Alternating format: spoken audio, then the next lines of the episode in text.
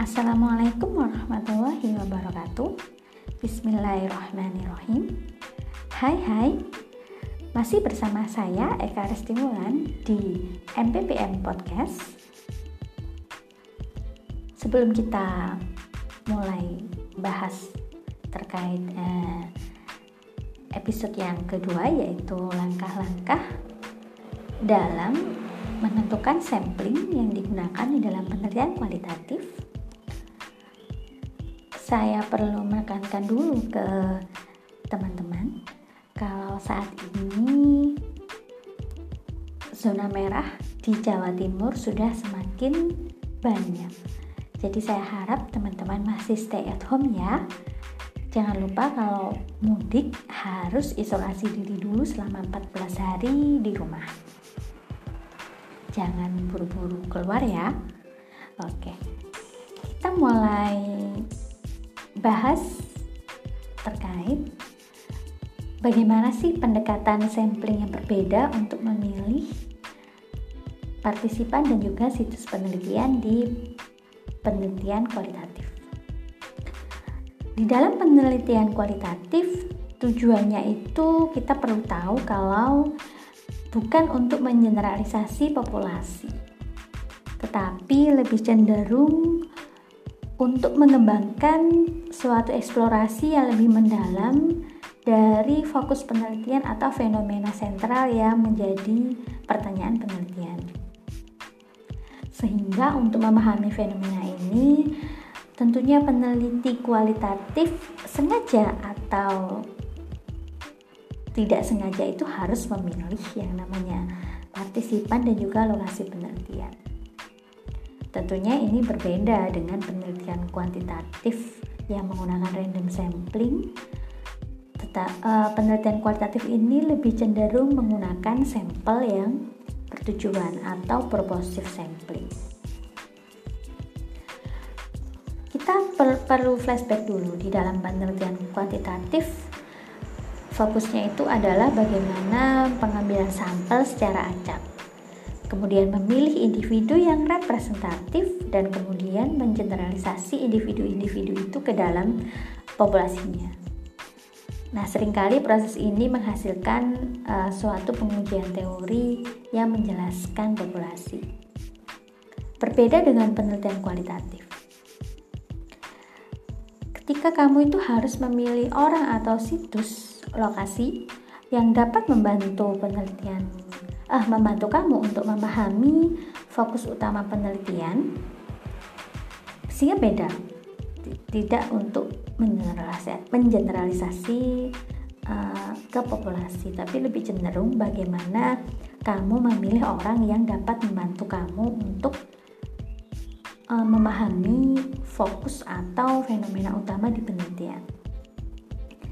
Nah, pemahaman ini akhirnya muncul melalui uh, bagaimana kamu benar-benar mengerti secara rinci, memahami secara rinci tentang orang-orang atau lokasi yang nanti memang membantu kamu dalam membahas uh, fenomena utama. Nah, hal ini dapat mengarah pada informasi yang memungkinkan individu untuk belajar terkait fenomena itu. Jadi, bagaimana sih memilih sampling di penelitian kualitatif itu ya? Bagaimana kamu uh, memungkinkan memperoleh suatu uh, memperoleh suatu fenomena dari orang-orang itu atau pada pemahaman yang memberikan suara kepada individu yang mungkin tidak terdengar. Nah, ini juga merupakan uh, salah satu karakteristik dari sampling di penelitian kualitatif. Misalkan kamu ingin mendengar bagaimana uh, peran wanita di masyarakat saat ini, nah itu kan bisa kita pasti menggunakan sampling yang namanya sampling bertujuan. Kita harus memilih wanita-wanita yang memang mampu mengungkapkan uh, bagaimana sih peranan wanita selama ini di masyarakat. Seperti itu. Oke. Kita lanjutkan ke purposive sampling. Nah, ini istilah yang memang digunakan di dalam penelitian uh, kualitatif, yaitu sampling bertujuan atau pengambilan sampel yang disengaja. Artinya di sini peneliti itu sengaja memilih partisipan dan juga lokasi untuk mempelajari atau memahami fokus utama penelitian. Nah, standar yang digunakan dalam memilih peserta ini uh, yaitu mereka partisipan itu harus mampu memberikan informasi yang luas. Jadi kaya informasi lah gitu. Nah, dalam setiap studi kualitatif yang diberikan uh, di penelitian kualitatif kamu dapat memutuskan untuk mempelajari suatu lokasi, misalkan satu sekolah, kemudian beberapa situs misalkan di dua sekolah atau mungkin tiga sekolah. Kemudian uh, terkait partisipan, kamu bisa memilih suatu individu atau kelompok. Misalkan kalau berdasarkan individu ya bisa misalkan siswa kelas 7 itu kan kelompok atau individu siswa kelas 7 atau bisa juga beberapa negara bagian. Nah ini kalau di luar ya mungkin lebih cocok ya provinsi. Misalnya beberapa provinsi nah jika kamu melakukan penelitian sendiri dan menggunakan um, penelitian kualitatif kamu sendiri dan menggunakan sampling bertujuan atau purposive sampling tentunya kamu juga perlu mengidentifikasi strategi dari pengambilan sampel kamu itu dan juga dapat mempertahankan penggunaannya mengapa menggunakan sampling itu. Nah, ada beberapa literatur yang digunakan untuk mengidentifikasi strategi pengambilan, sampel penelitian kualitatif. Ada di Superman biasanya. Nah, hmm, tapi kamu juga memiliki pilihan untuk memilih satu hingga beberapa strategi yang digunakan di dalam penelitian pendidikan. Nah, strategi ini dibeda-bedakan berdasarkan ya, yaitu satu sebelum pengumpulan data dimulai atau dua setelah pengumpulan data telah dimulai. Jadi ada dua tipe dari strategi itu. Nah, tentunya masing-masing itu memiliki apa ya tujuan yang berbeda tergantung dari masalah penelitian atau pertanyaan yang ingin dijawab pada suatu penelitian itu. Nah, semua strategi itu berlaku untuk pengambilan sampel satu kali atau beberapa kali di dalam satu penelitian. Artinya, kamu dapat menggunakannya untuk mengambil sampel dari uh, individu, dari kelompok, seluruh organisasi, atau dari lokasi. Dalam beberapa penelitian mungkin juga perlu menggunakan beberapa strategi pengambilan sampel yang berbeda. Misalkan pertama untuk memilih guru di sekolah dengan memilih sekolah itu menggunakan sampling yang berbeda. Oke, sebelum kita lanjut ke strategi-strategi itu, mungkin kita perlu membedakan apa sih perbedaannya random sampling atau sampling uh, sampling acak dengan sampling bertujuan atau purposive sampling. Kalau di penelitian kuantitatif itu kan lebih memilih bagaimana seseorang atau individu itu yang representatif. Kemudian kalau di purposive, purposive sampling lebih memilih orang atau lokasi yang terbaik mampu siapa ya yang terbaik membantu kita dalam memahami fokus dari penelitian. Kemudian kembali lagi, jika di random sampling lebih untuk mengeneralisasi sampel ke populasi, tapi kalau di purposive sampling lebih pada mengembangkan satu pemahaman yang lebih mendetail atau mendalam. Tujuannya apa kalau di penelitian kuantitatif? Tujuannya adalah untuk membuat klaim terkait populasi. Yang kedua untuk membangun atau menguji teori untuk uh, pada untuk menjelaskan ke, ke populasi. Jadi teori yang menjelaskan ke populasi. Berbeda dengan purposive sampling yang lebih uh, bagaimana sih menyediakan informasi yang bermanfaat. Kemudian yang kedua, membantu seseorang dalam mempelajari suatu fenomena. Atau yang ketiga adalah bisa saja kita memberikan suara-suara kepada orang yang uh, silence people atau orang-orang yang tidak mampu untuk menyuarakan suaranya. Seperti itu, itu perbedaannya.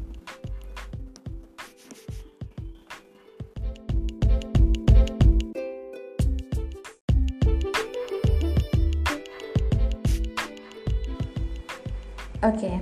beberapa tipe dari sampling purposive atau purposive sampling itu dibagi menjadi dua tipe. Yang pertama adalah sebelum data dikumpulkan atau setelah pengumpulan data dimulai. Jadi ada dua tipe.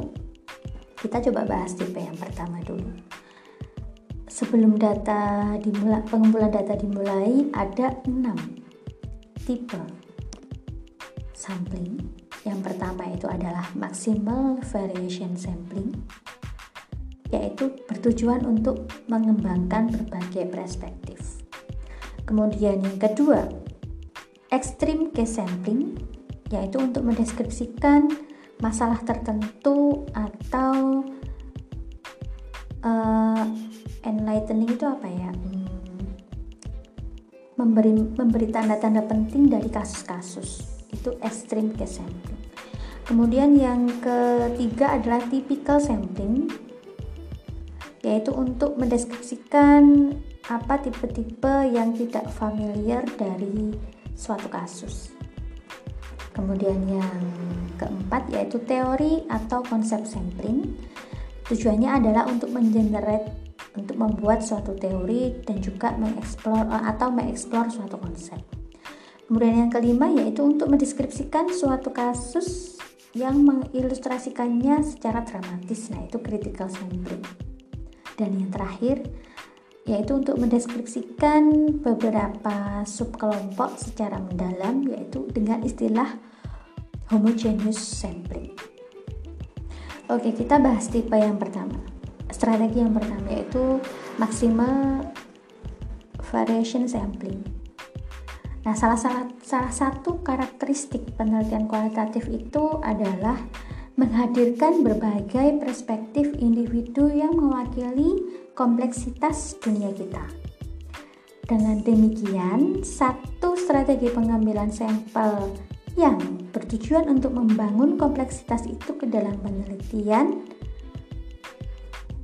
melalui sampling peserta atau situs itu disebut dengan sampling variasi maksimal atau maksimal variation sampling yaitu merupakan suatu strategi pengambilan sampel yang bertujuan di mana peneliti mengambil sampel kasus atau individu yang berbeda pada beberapa karakteristik atau sifatnya.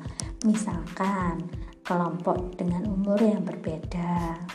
Misalkan kelompok dengan ras yang berbeda dengan agama yang berbeda, misalkan seperti itu. Nah, prosedur ini mengharuskan kamu untuk mengidentifikasi karakteristik dan kemudian menemukan situs atau individu yang menampilkan dimensi berbeda dari karakteristik itu.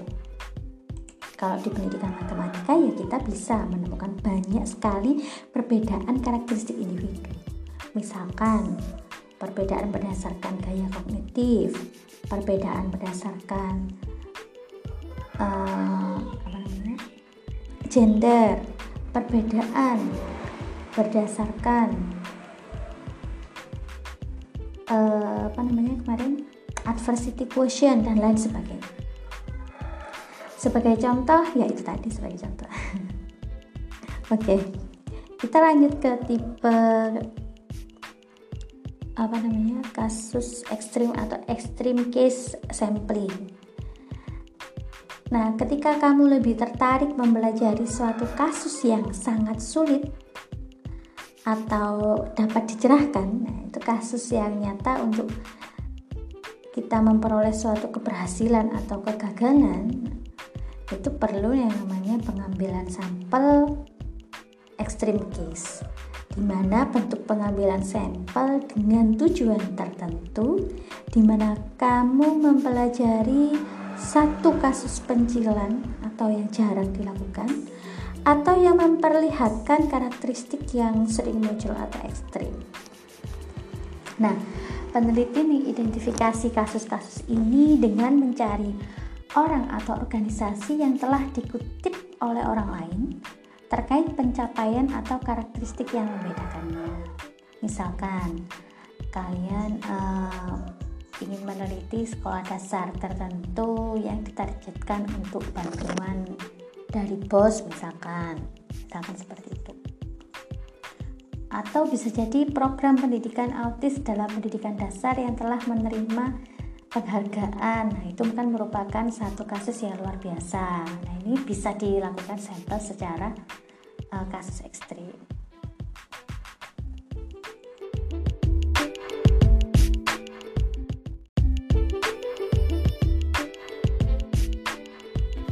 Sampling berikutnya adalah tipikal sampling atau pengambilan sampel khas. Beberapa pertanyaan penelitian kadang membahas apa yang normal atau apa yang khas. Pengambilan sampel tipikal ini merupakan salah satu bentuk pengambilan sampel yang bertujuan di mana peneliti mempelajari seseorang atau lokasi yang khas bagi mereka yang tidak terbiasa dengan situasi tersebut. Bisa difahami ya? Apa yang merupakan tipikal atau yang khas, nah itu tentu saja terbuka untuk diinterpretasi. Namun kamu dapat bertanya kepada orang-orang di lokasi penelitian atau bahkan memilih kasus yang khas dengan mengumpulkan data-data demografis atau data-data survei tentang semua kasus yang terkait dengan uh, topik yang khas yang akan Anda pilih itu. Misalkan kalau kita bisa memilih mempelajari guru di sekolah anak berkebutuhan khusus dalam menggunakan gestur. Itu bisa juga e, kita mengambil sampel yang khas. Artinya kita hanya memilih guru-guru yang memang dia menggunakan gestur dalam pembelajarannya yang beda dengan yang lain seperti itu. Kemudian te, uh, sampling berikutnya adalah teori sam sampling teori atau konsep teori or konsep sampling nah kamu dapat memilih individu atau situs tertentu karena mereka membantu kamu dalam memahami konsep atau teori. Nah, sehingga itu disebut teori atau konsep sampling. Bagaimana melaksanakannya? Nah, strategi pengambilan sampel ini dilakukan secara sengaja di mana peneliti mengambil sampel individu atau seseorang atau suatu lokasi penelitian karena mereka memang dapat membantu peneliti dalam menghasilkan atau menemukan teori atau juga konsep tertentu yang ada di dalam suatu teori. Nah, untuk menggunakan metode ini tentu kamu perlu pemahaman yang jelas tentang konsep atau teori yang besar yang diharapkan muncul selama proses penelitian. Misalkan, dalam penelitian di lima lokasi yang telah melakukan pendidikan jarak jauh di masa ini karena merebak virus corona misalkan. Nah, Anda dapat uh, kamu kamu dapat memilih situs-situs atau lokasi ini karena penelitian mereka memang dapat membantu menghasilkan teori terkait bagaimana respon siswa terhadap pembelajaran jarak jauh. Nah, itu merupakan contoh bagaimana sampling teori atau sampling konsep. Kita lanjutkan ke sampling strategi sampling yang keenam yaitu pengambilan sampel homogen atau homogeneous sampling kamu dapat memilih situs atau orang tertentu, lokasi penelitian tertentu karena mereka itu memiliki karakteristik atau sifat yang serupa. Nah, tentunya dalam pengambilan sampling homogeneous, Peneliti itu sengaja mengambil sampel individu seseorang atau lokasi yang berdasarkan keanggotaannya di dalam subkelompok yang memiliki karakteristik yang menentukan. Nah, untuk menggunakan prosedur ini, kamu perlu mengidentifikasi karakteristik dan menemukan seseorang atau lokasi yang memang memiliki karakteristik itu. Misalkan, ada suatu komunitas guru MGMP. Nah, uh, guru MBM, MGMP matematika. Bagaimana guru MGMP matematika itu dalam membelajarkan konsep matematika ke anaknya misalkan. Nah, artinya uh, kamu memilih anggota di dalam uh, MGMP itu untuk diteliti karena mereka masuk dalam subkelompok yang sama di komunitas yang sama. Yaitu sub kelompok apa sih ngomongnya gimana MGM uh, guru MGMP kita ambil sampelnya ya guru MGMP matematika dalam membelajarkan konsep matematika ke anaknya misalkan seperti itu misalkan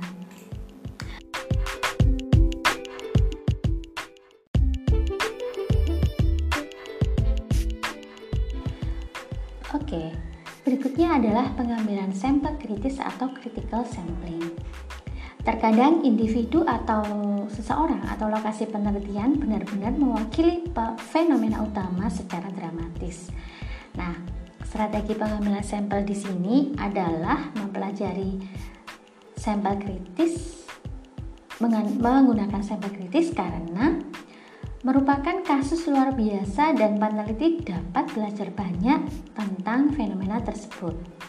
Misalkan, kamu ingin meneliti kekerasan remaja di suatu sekolah di mana ada seorang mahasiswa yang mengancam dosennya misalkan. Nah, situasi ini kan merupakan suatu insiden yang dramatis yang menggambarkan bagaimana sih seorang mahasiswa atau seorang dewasa itu bisa terlibat di dalam kekerasan di sekolah, di universitas seperti itu. Ini erat kaitannya dengan radikalisme misalkan. Jadi karena ada radikalisme sehingga ada seorang mahasiswa yang mengancam dosennya dengan senjata-senjata tajam misalkan. Itu salah satu contoh critical sampling.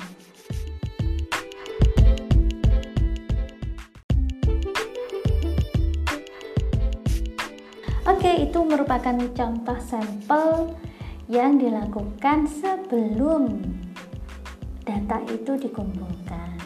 Ada enam tadi. Uh, jadi saya kira untuk episode kali ini kita cukup membahas itu. Akan kita lanjutkan di pertemuan berikutnya, di episode berikutnya terkait bagaimana sampling untuk uh, strategi di mana setelah pengumpulan data itu dilakukan baru dilakukan sampling. Oke, okay? sampai jumpa di episode berikutnya. Sehat selalu. Bye. Assalamualaikum warahmatullahi wabarakatuh.